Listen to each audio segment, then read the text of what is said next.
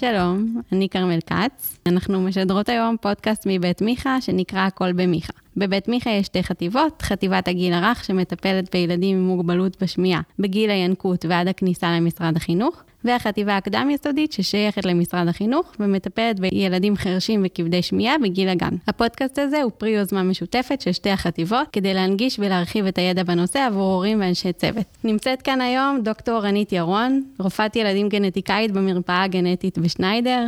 בוקר טוב, תודה שבאת אלינו היום. בוקר אור, בשמחה רבה. נתחיל בשאלה מאוד מאוד כללית. בכלל, למה לפנות לבירור גנטי כשמתגלה לקות שמיעה אצל הילד? חשוב לפנות בגלל שלתוצאות של הבירור יכולות להיות הרבה השלכות, גם על הילד וגם על המשפחה שלו. מבחינת הילד, הרבה פעמים זה חשוב לדעת מה הסיבה למצב, לדעת האם יש צורך בבדיקות נוספות, שהן לפעמים יכולות להיות חודרניות ולא נעימות, וגם הרבה פעמים ההבחנה תוכל לתת לנו הרבה אינפורמציה, גם לגבי הפרוגנוזה של השמיעה, מה צפוי להיות מבחינת השמיעה, האם המצב אמור להיות יציב או להחמיר עם הזמן, גם מידע יותר מדויק לגבי המצב של, הכללי של הילד, האם הגורם לליקוי השמיעה גורם גם למעורבות של איברים או מערכות נוספים, mm-hmm. האם צריך לעקוב ולחפש מצבים נלווים, או שאולי לא, אולי זה ליקוי שמיעה מבודד. כיום, ברוב המקרים ההבחנה לא תשפיע על הטיפול בשמיעה עצמה, אבל במקרים מסוימים, אם נדע מראש, נוכל להימנע מפעולות שיגרמו לירידה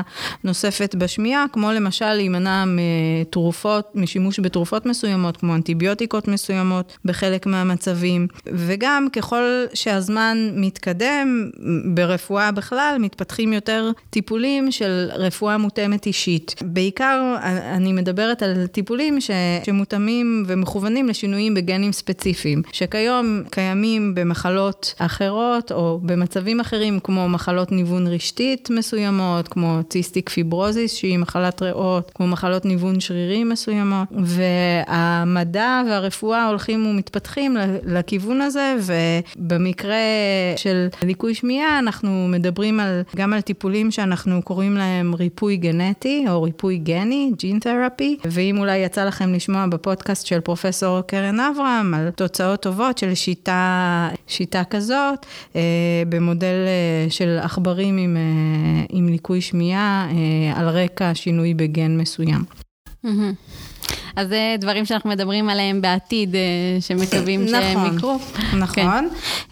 ואמרנו שבנוסף יש גם השלכות לגבי המשפחה הרחבה יותר. זאת אומרת, במידה וההורים מעוניינים בלידת ילד נוסף, שלא יהיה לו ליקוי שמיעה או חרשות מאותה סיבה במשפחה, וגם משפחה יותר מורחבת, שיכול להיות שלבני המשפחה האלה יהיה סיכון לליקוי שמיעה לצאצאים שלהם, ואז לצורך הערכת הסיכון, הסיכון ומתן מידע, וכדי ללדת ילד ללא ליקוי שמיעה, צריך לברר את הסיבה לליקוי השמיעה במשפחה. מעניין מאוד. הורים מגלים שלילד שלהם יש לקות שמיעה, והם רוצים ללכת ולפנות לבירור גנטי. אז בעצם, מה קורה? איך מתקיים התהליך הזה? איך הוא מתחיל בכלל?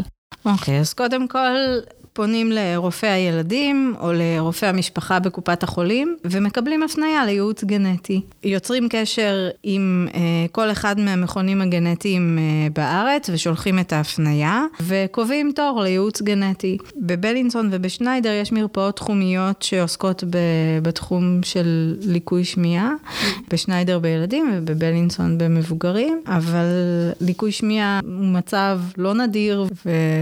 אפשר לפנות לכל מקום. גם במרפאה שהיא לא מתמחה בליקוי כן. שמיעה. ידעו לעשות ברור טוב. אוקיי. Okay. בעצם בימינו, כמעט כל ילד או מבוגר עם ליקוי שמיעה, אה, נמליץ לו על ברור.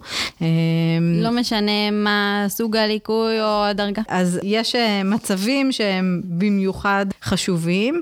זאת אומרת, בכל, בכל מקרה של ליקוי שמיעה שהוא מולד או שהופיע ואובחן לפני לפני תחילת uh, הדיבור. בכל מקרה של ליקוי שמיעה שהוא עצבי דו-צדדי, בכל מקרה שיש סיפור משפחתי של יותר מפרט אחד שמאובחן עם ליקוי שמיעה, uh, בכל מקרה שיש תסמינים נוספים פרט לליקוי השמיעה, גם uh, מומים או שינויים במבנה של האוזן, החיצונית או הפנימית, וגם מומים מולדים אחרים באיברים אחרים, או בעיות התפתחותיות, איחור התפתחותי, ו, וחשוב גם להפנות מטופלים שמעוניינים בהרחבת משפחה, גם אנשים בעלי ליקוי שמיעה, גם הורים לילדים עם ליקוי שמיעה, וגם בני משפחה נוספים, אחאים, בני דודים. יש מקום לתת להם ייעוץ ולהחליט איזה ברור צריך, או מי צריך לעבור את הברור. צריך לומר שככל שהזמן עובר, יש לנו יותר אפשרויות לבדיקות אבחנתיות, וככל...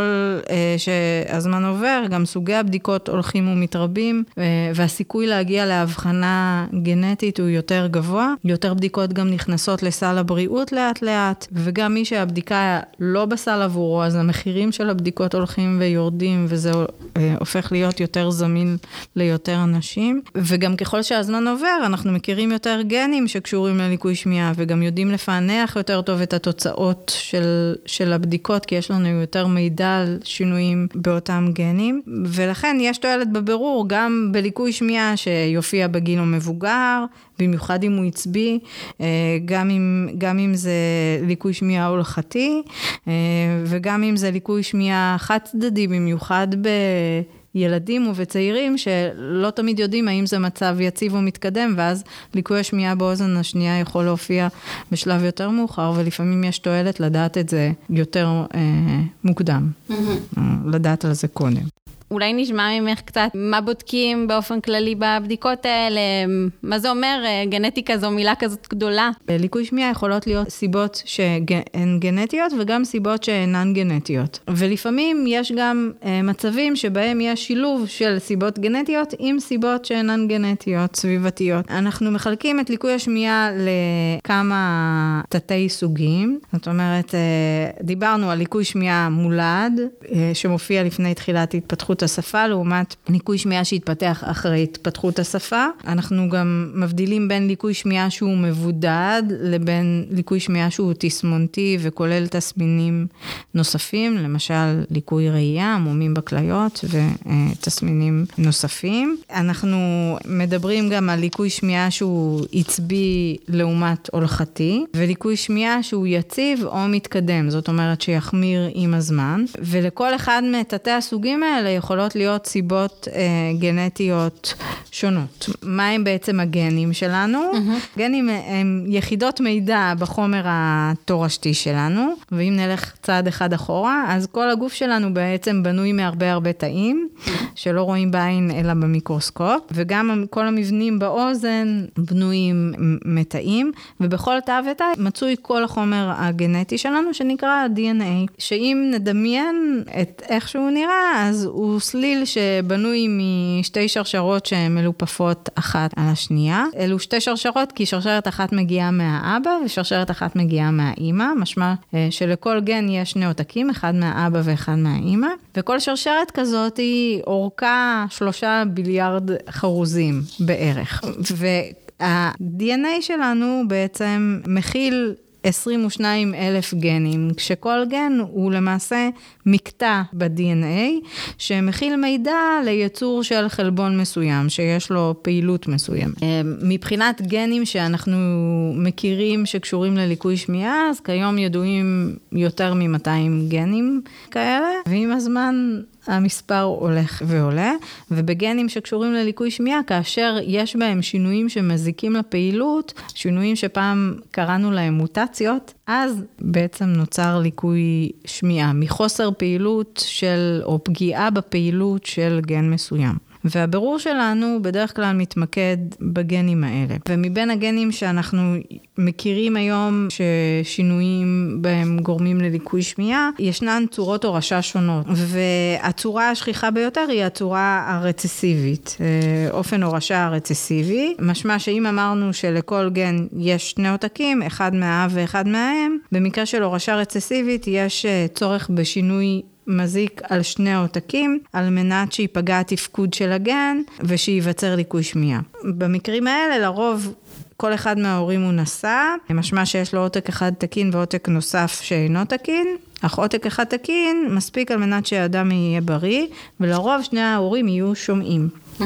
אה, כאשר שני נשאים יוצרים עובר, אז הסיכוי של העובר יהיה ליקוי שמיעה הוא 25% בכל הריון. זה הסיכוי שכל אחד מההורים ייתן את העותק הלא תקין לעובר.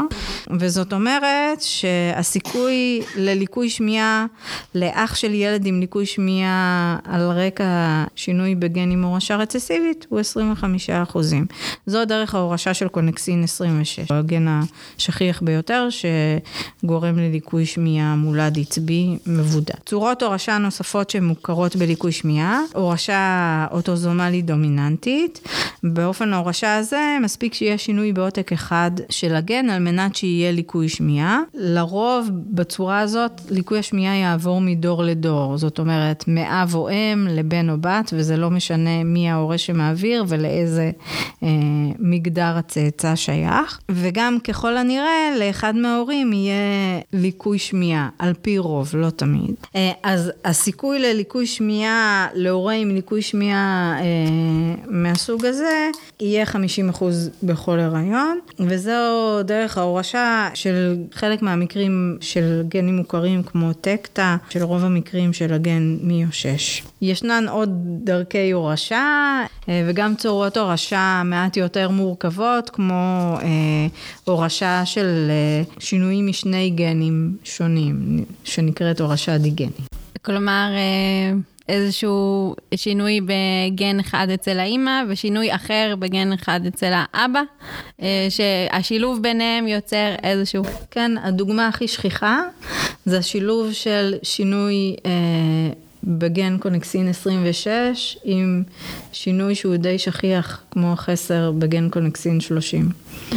ואז מקבלים שינוי אחד בגן הזה מהאימא ושינוי אחד בגן הזה מהאבא או להפך, ויש ליקוי שמיעה. אנחנו חוזרות לבירור הגנטי, אז דיברנו על זה שאמורים לקבל הפנייה ולקבוע תור לייעוץ, mm-hmm. ואז הייעוץ הראשוני בעצם מורכב מכמה חלקים. בחלק הראשון שואלים הרבה שאלות על הילד, על ההיסטוריה הרפואית שלו, על ההיסטוריה של השמיעה שלו, וגם אם זה מטופל מבוגר, אז שואלים שאלות דומות. ולכן חשוב להגיע לייעוץ עם כל המסמכים הרפואיים והתוצאות של כל הבדיקות, כמו בדיקות שמיעה, הדמיה, ייעוצים של רופאים מומחים, ותוצאות של בדיקות מיוחדות שבוצעו. ובנוסף, שואלים אחר כך שאלות לגבי כלל המשפחה, לראות אם יש עוד פרטים שיש להם ליקוי שמיעה, או מצבים נוספים שיכולים להתלוות לליקוי שמיעה או להיות קשורים אליו. אנחנו מציירים עץ משפחה, ואז בודקים את המטופל בדיקה גופנית. אחרי שאספנו את כל המידע,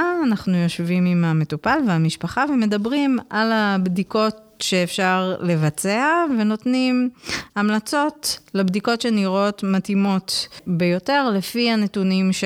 שנאספו בפגישת הייעוץ. לפעמים גם ממליצים על בדיקות נוספות שאינן בדיקות גנטיות, כמו אק"ג, סונר כליות, בדיקת עיניים, בדיקת שתן וכולי. בשלב השני מבוצעת הבדיקה, כאשר אם זו בדיקה שהיא בסל הבריאות, אז לרוב אנחנו קודם נותנים מכתב, שאותו לוקחים לקופת חולים כדי לקבל אישור להתחייבות. ובשלב השלישי, אחרי שבוצעה הבדיקה, המטופל והמשפחה חוזרים למרפאה לייעוץ חוזר לקבל את ה... תוצאות. בייעוץ הזה יש כמה אפשרויות. אם אה, מתקבלת תוצאה חד משמעית, אבחנתית, לסיבה הגנטית אה, לליקוי השמיעה, אז מדברים על, על המשמעות של זה, על מבחינת מה ההבחנה הזאת כוללת, האם יש עוד ברורים שצריך לעשות, וגם לגבי המשפחה הרחבה, מה הסיכון ההישנות בהריונות עתידיים, אה, ולמי מומלץ ייעוץ גנטי. לפעמים גם אחרי שמוצאים את הסיבה לליקוי השמיעה אצל הילד, אנחנו ממליצים על בדיקה. בדיקה של אותו ממצא אצל ההורים ולפעמים אצל קרובי משפחה נוספים. משפחה מגיעה לבירור גנטי, עושים, שואלים אותם קודם שאלות, מבררים עוד מידע רפואי שצריך, mm-hmm. ושולחים אותם לעשות לפי העץ המשפחה וה, והתשובות שלהם לכל השאלות ששואלים. Mm-hmm. ל... ותוצאות הבירור שכבר בוצע לילד. הקליני. אה, אז מחליטים על הבירור הגנטי, ואמרנו שבשלב ראשון זה קונקסין 26 ו-30, ואם יש משהו שכיח אחר באותה אוכלוסייה, אז בודקים גם את השינוי הזה. או אם יש שינוי ידוע במשפחה, אז כמובן שבודקים אותו כבר בשלב הראשון. ואם אין הבחנה בבדיקות האלה, אז מתק... מתקדמים לשלב הבא, כשהשלב הבא שאנחנו משתמשים, או הבדיקה בשלב הבא שאנחנו משתמשים בה היום יחסית הרבה, היא בדיקת פאנל גנים לליקוי שמיעה, שזו בדיקה שבה נבדקים במקביל רצף של החלקים המקודדים של הרבה גנים, שזה נע בין 150 ל... כ-250 גנים, תלוי בחברה שמבצעת את הבדיקה, ורוב החברות גם נותנות מידע על חסרים והכפלות בגנים האלה. וכל הגנים האלה הם גנים שמראש אנחנו יודעים שהם קשורים לליקוי שמיעה. אז היתרון זה שאנחנו לא צריכים לבדוק גן-גן, אלא בבת אחת בודקים הרבה גנים, וזה מגדיל מאוד את הסיכוי למצוא את הסיבה לליקוי שמיעה בבדיקה הזאת, וגם יש לנו את המידע על החסרים וההכפלות בגנים. החיסרון זה שאם יהיה שינוי בגן שנדיר למצוא בו ליקוי שמיעה, אז הוא לא יימצא בבדיקה הזו. ואז אנחנו לא, לא נאתר אותו. זאת אומרת, הבדיקה תהיה שלילית, אבל זה לא אומר שה, אה, שאין סיבה גנטית לליקוי השמיעה. ולמעשה זה נכון לכל שלב בבירור. כל עוד לא מיצינו את הבירור הגנטי, לא סיימנו לעשות את כל הבדיקות שניתן לבצע, אז גם אם הבירור שלילי, זה לא אומר בהכרח שאין סיבה גנטית, אלא זה אומר שבמה שחיפשנו לא מצאנו. בדיקת הפאנל כן נמצאת אה, בסל בחלק מהמקרים. אה, במקרים של ליקוי שמיעה מולד, עצבי, דו צדדי, הסיכוי למצוא בה את הסיבה לליקוי שמיעה הוא, הוא קצת יותר מ-40 אחוז, שבמושגים של אה, יעילות של בדיקות גנטיות זה, זה, זה, זה גבוה מאוד, כן? אם לא מוצאים את ה... סיבה לליקוי השמיעה בשלב הזה, ואנחנו מדברים על ליקוי שמיעה מבודד, אז אפשר לעבור לשלב הבא, ש, שזה השלב של הריצוף הכלל אקסומי, שבו באמת נבדקים כמעט כל החלקים המקודדים לחלבון, כ-95% מהחלקים האלה, שהם החלקים החשובים בגנים, שמרבית המצבים שגורמים לתחלואה אה, או לתסמינים בבני אדם, יימצאו בחלקים האלה של הגנים. יש כל מיני מאמרים על התוספת שה... אה, הבדיקה הזאת תיתן ל... התוספת האבחנתית של הבדיקה הזאת לבדיקת הפאנל, שאמרנו שיש לה תועלת גבוהה. יש איזשהו מאמר אה, לאחרונה שאומר ש... שזה אומנם מייקר את הבירור, אבל מגדיל, או מגדיל ב-30 מתוך 100 מטופלים, זה יגדיל את הסיכוי למצוא את הסיבה. כל בדיקה שנעשה, תמיד יהיו לה שלוש אפשרויות לתשובה. אפשרות אחת שמצאנו את הסיבה לליקוי השמיעה, ואז נותנים את כל האינפורמציה. אפשרות אחת שלא מצאנו שום דבר, ואז ממשיכים לשלב הבא של הבדיקות. ואפשרות אחת שמצאנו אה, ממצא שמשמעותו היא לא ברורה, ואז צריך להחליט האם רוצים לברר אותו קצת יותר, אם יש לנו אפשרות, כמו לבדוק עוד בני משפחה, או להגיד, זה ממצא שכרגע אין לנו מספיק אינפורמציה, אם רוצים למצוא משהו ודאי, צריך להתקדם בבירור ולבצע בדיקות נוספות כדי למצוא משהו חד משמעי. המחקר אה, למציאת סיבות למחלות מונוגניות או למחלות גנטיות כל הזמן הולך ומתפתח, וגם המחקר אה, בתחום של שמיעה הולך ומתפתח, ודווקא אני חייבת להגיד שלעומת תחומים אחרים, באמת מה שיש לנו להציע היום למטופלים עם ליקוי שמיעה, אה, אנחנו במקום טוב, יש הרבה אפשרויות. אפשרויות, ו... ויש סיכוי טוב למצוא את הסיבה הגנטית. מגלים מה השינוי שגרם ללקות בשמיעה. מה עושים עכשיו? אוקיי, okay, אז uh, אמרנו שלגבי המטופל עצמו, אנחנו נותנים את המידע, איזה מעקבים צריך לעשות, um, האם יש עוד תסמינים שצריך לחפש, וקצת לגבי מה צפוי uh, לקרות עם השמיעה. למשל, אם אנחנו מדברים על קונקסין 26, okay. אוקיי. אז אנחנו לא צופים ש... לא אמורים להיות תסמינים נוספים, וליקוי השמיעה אמור להיות יציב. כן, בקונקסין 26 ישנן דרגות שונות אה, של ליקוי שמיעה שייתכנו, אבל לרוב לא תהיה התקדמות אה, בחומרה. או, ש- או שינוי כלשהו בכלל. אוקיי, זה מידע שהוא מאוד חשוב גם לשיקום השמיעתי ולשיקום בכלל. נכון, נכון, ואמרנו שברוב המקרים אה, ההבחנה הגנטית לא תשפיע על החלטה האם לתת שתל קוכליארי למטופל או לתת... מכשיר שמיעה, אבל כן, ייתכנו מצבים שאם נדע מראש שזה ליקוי שמיעה שהוא מתקדם, הוא מחמיר עם הזמן, אז כן, נהיה קצת יותר עם האצבע על הדופק כדי, כדי אה, לתת את השיקום השמיעתי כמה שיותר מוקדם, ולפעמים אולי קצת יותר מוקדם מאשר במקרים אחרים שלא צפויה הידרדרות. ואותו דבר במקרים כאלה לגבי ליקוי שמיעה חד צדדית, אולי ירצו לשקם את אותה אוזן בשלבים קצת יותר מוקדמים, כי ידעו שיש גם סיכון לירידה בשמיעה אה, של האוזן השנייה, וירצו לשמר כמה שיותר מהר ולתת איכות שמיעה כמה שיותר טובה.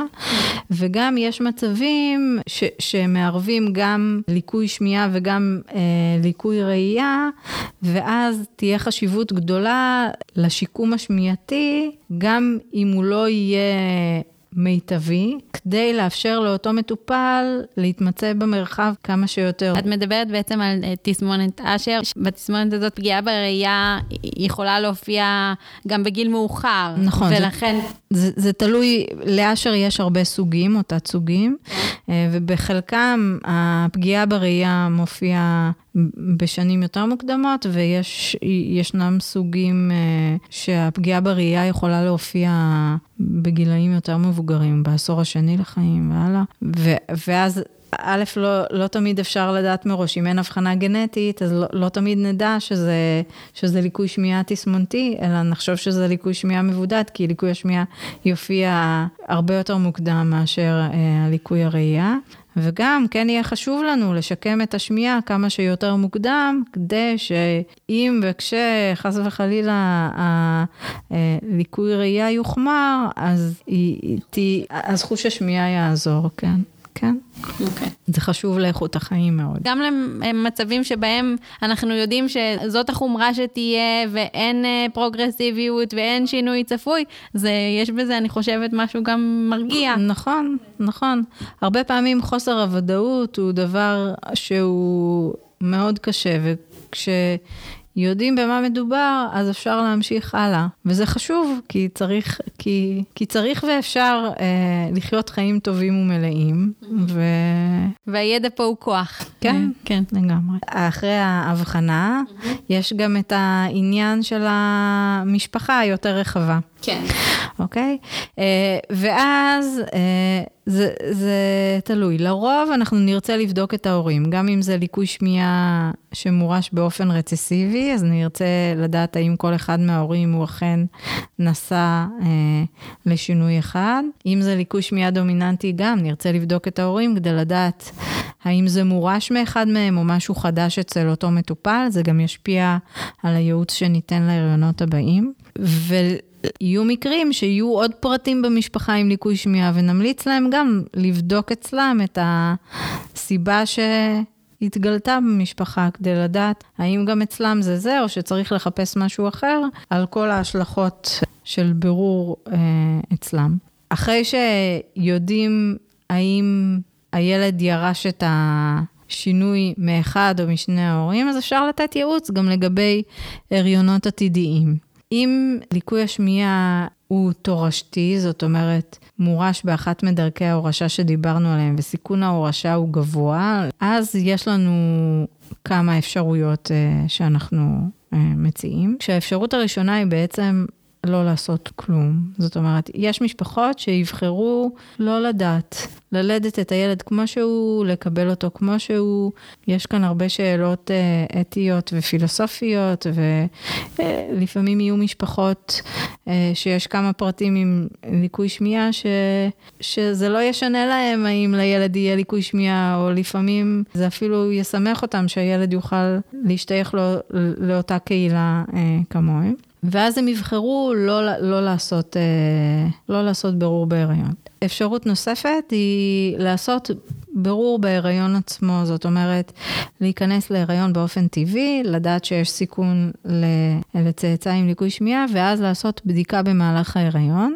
המטרה היא לעשות בדיקה גנטית לשינוי אה, שגורם לליקוי שמיעה במשפחה. שנמצא ב... במשפחה בעצם, כן, שיודעים כן, שהוא קיים. כן, בעובר הנוכחי, ואז זה מתבצע על ידי לקיחת דגימה של DNA מהעובר, שהאפשרויות העיקריות שיש לנו היום זה עוד דגימה של סיסי שליה, שבה לוקחים חתיכה מהשליה של האימא על ידי קתטר או על ידי דקירה, והשליה מייצגת גם את ה-DNA של העובר. הבדיקה הזאת מתבצעת בין שבוע 11 ל-13 להיריון, זאת אומרת בטרימסטר הראשון. האפשרות השנייה היא בבדיקת מי שפיר, כאשר אז תחת אולטרסאונד, עם מחט, דוקרים אה, דרך הבטן, מוציאים קצת ממי השפיר שנמצאים סביב העובר, ובמים האלה יש תאים שנשרו מהעור של העובר, אה, ואז אפשר לבדוק בהם האם אה, העובר נושא את השינוי שגורם לליקוי שמיעה או לא. הבדיקה הזאת מתבצעת החל משבוע 17, ורצוי לבצע עד שבוע 22 להיריון, ומקבלים תשובה. במקרים האלה, כשעושים בדיקה בהיריון, אז אה, אפשר לקבל תשובה שלעובר לא יהיה את ליקוי השמיעה על רקע השינוי המשפחתי, או שכן, הוא נושא את השינוי המשפחתי שיגרום לליקוי שמיעה. אפשרות נוספת, כשאנחנו יודעים שהסיכון אה, לעוד צאצא עם ליקוי שמיעה אה, הוא גבוה, וההורים מעוניינים בלידת ילד שלא יהיה לו ליקוי שמיעה, זה אפשרות של מה שאנחנו קוראים אבחון טרום השרשתי, או PGT, Pre-Implantation Genetic Testing. בשיטה הזאת נכנסים להיריון בדרך לא טבעית, בהפריה חוץ גופית, ואז ביום, ביום השלישי או החמישי אחרי ההפריה שמתבצעת במעבדה, כשאז העובר הוא בין שישה או שמונה תאים או כמה מאות תאים, תלוי ביום, אם זה יום שלוש או יום חמש. מוציאים או תא אחד אם זה ביום שלוש, או מספר תאים אם זה ביום חמש, ובודקים את העובר, כי אמרנו שבכל תא ותא מהתאים שלנו יש את כל החומר הגנטי. ואז, ואז אפשר להחזיר לרחם של האם רק עוברים שיודעים שלא יהיה להם את ליקוי השמיעה על רקע השינוי במשפחה. Okay. אוקיי. אה, ומה שבודקים זה מה שיודעים שגורם לליקוי השמיעה במשפחה. לא בודקים בדיקות אה, כלליות, אלא את השינוי הספציפי הזה, או השינויים הספציפיים במשפחה. וכך, בזוגות שרוצים שלילד הבא לא יהיה ליקוי שמיעה, אבל לא רוצים אה, להתלבט האם להמשיך הריון או לא, יש להם פתרון אחר mm-hmm. שיכול להתאים להם. כן, ויכול להיות שככל שהזמן יתקדם, יהיו גם אפשרויות יותר uh, מתקדמות. זה מה שיש לנו בינתיים היום, וזה גם לא מעט. אז כל משפחה יכולה להחליט את מה שמתאים לה וטוב בשבילה. אז באמת, אה, דיברנו בעיקר על המקרים שבהם אה, הורים, להורים נולד ילד והם מגלים שיש לו בעצם ליקוי שמיעה, ואז הם מגיעים לייעוץ ולבירור הגנטי. אז מה קורה באמת להורה שיש לו לקות שמיעה אה, והוא מתכנן, עוד לפני שהוא הורה, הוא מתכנן הריון, והאם גם כאן אלה מקרים שכדאי ללכת לבירור, ומה עושים? כמובן, כן. כמובן שכן, ואמרנו שגם לא רק אם זה ההורה עצמו, גם אם זה אחיו, ולפעמים אפילו קרובי משפחה יותר מורחקים, במיוחד אם יש יותר מאדם אחד במשפחה עם ליקוי שמיעה. Mm-hmm. אבל במקרה כזה, הבירור הגנטי שדיברנו עליו, כל הבדיקות, צריך להתבצע קודם כל אצל ההורה. אה, בגנטיקה בכלל, מקובל לבצע בירור אצל מי שמבטא את התסמינים. אז מאחר ואם מבצעים את הבירור באדם שאין לו תסמינים וה, ו, ואין לו ליקוי שמיעה ולא נמצא סיבה לליקוי שמיעה בבירור שלו, למעשה לא נדע האם לא מצאנו את הסיבה כי הוא לא נושא את השינוי הגנטי שיש במשפחה שלו שגורם לליקוי שמיעה, או שלא בדקנו את הבדיקה הנכונה, זאת אומרת, הבדיקה לא תאתר את, את הסיבה הגנטית, ויש סיבה אחרת שלא, שלא נבדקה בבדיקה. ולכן, אה, אנחנו לא נבדוק את הילדים או את העובר בלי לבדוק את אותו הורה, אה, ולכן בירור גנטי של, במקרה כזה, אה, מתחילה בהורה. יתחיל בהורה. כן, כן. כי, כי קודם כל צריך לוודא שמצאנו את הסיבה המשפחתית. אוקיי. Okay. ככה, לסיום, יש לך משהו חשוב שאת רוצה לומר להורים שמקשיבים לנו, איזשהו מסר שחשוב לך שישמעו? שלא לפחד מבדיקות גנטיות, גם אם, גם אם עושים בדיקות ומקבלים תשובות, זה לא מחייב את ההורים לנקוט בפעולות לגבי תכנון המשפחה, זה הכל תלוי ברצון שלהם, ושבאמת לפעמים צריך לחשוב על זה שנכון שהיום אין לנו הרבה להציע לגבי טיפולים חדשניים, אבל הכל פתוח וזה תחום שחוקרים אותו ועובדים עליו ורוצים להתקדם בו וכן יש התקדמות מדעית. תמיד צריך תקווה ש... ש...